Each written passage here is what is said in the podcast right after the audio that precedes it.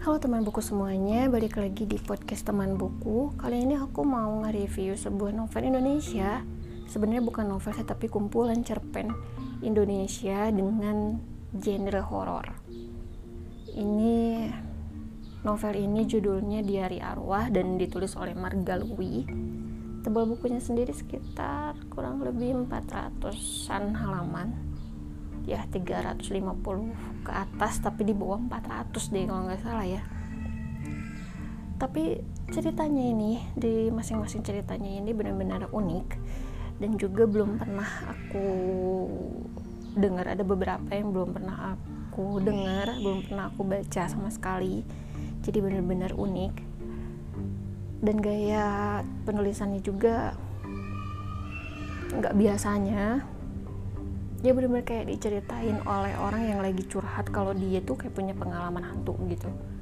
Punya pengalaman ketemu hantu. Jadi kayak gitu. Terus uh, cerpennya tuh aku nggak ngitung ada berapa cuma memang banyak banget dari satu buku itu.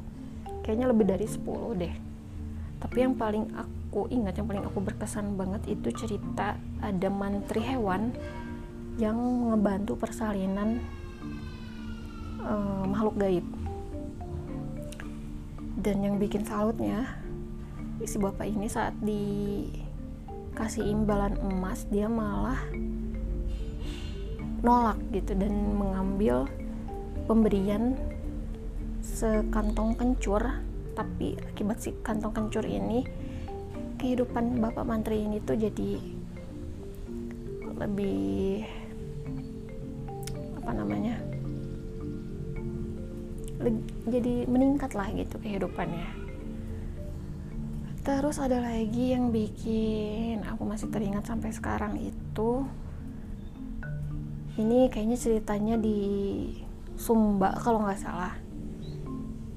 Namanya Sewanggi jadi ini tuh adalah orang yang memuja kepada iblis. Jadi jadi dia ini tuh orang tapi bentukannya tuh kayak iblis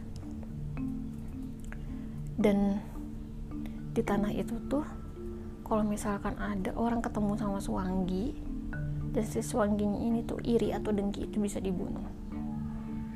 Gitu saking ngerinya aku sampai ingat sampai sekarang.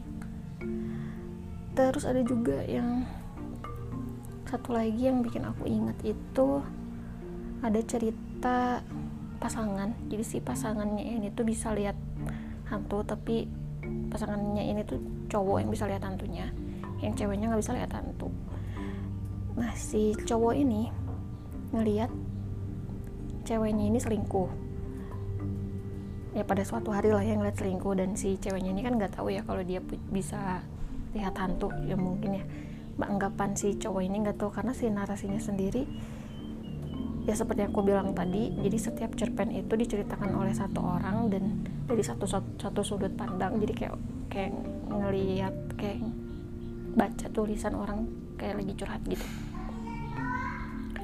Dan yang bikin nangis jadi pada saat si cewek ini mau pulang ini malah terjadi kecelakaan yang mengakibatkan si cewek ini tuh kepalanya hampir putus. Itu saking ngerinya si cowok ini tuh kayak nggak mau lihat berita itu lagi. Tapi dia belum tahu gitu si cewek kalau yang kecelakaan itu adalah ceweknya. Terus dia dikasih tahu uh, nggak bukan dikasih tahu dihubungin sama ceweknya untuk ketemu pada jam itu dan di tempat itu gitu. dan sampai di akhir cerita ternyata si cowok ini tuh dari awal juga dia udah tahu kalau ceweknya ini udah meninggal. Dan dia kayak ya udahlah gue relain deh gue maafin lo. Udah lu sana pergi. Jangan bergentayangan di sini. Kayak gitu. Dan itu momen yang paling apa ya yang ngeri lah ya kalau misalkan kita ada di posisi cowok itu itu ngeri banget. Hmm, aku nggak nyangka sih kalau buku ini tuh bakalan seseru ini. Karena ini tuh lama. Aku simpan buku ini tuh udah lama. Belinya juga udah lama.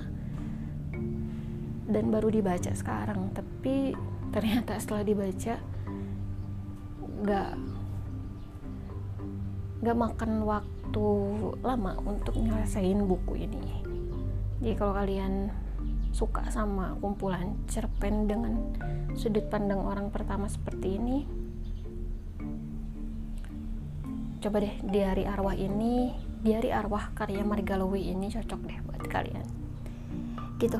Oke paling kayak gitu aja podcast kali ini. Sampai jumpa di podcast selanjutnya. Bye bye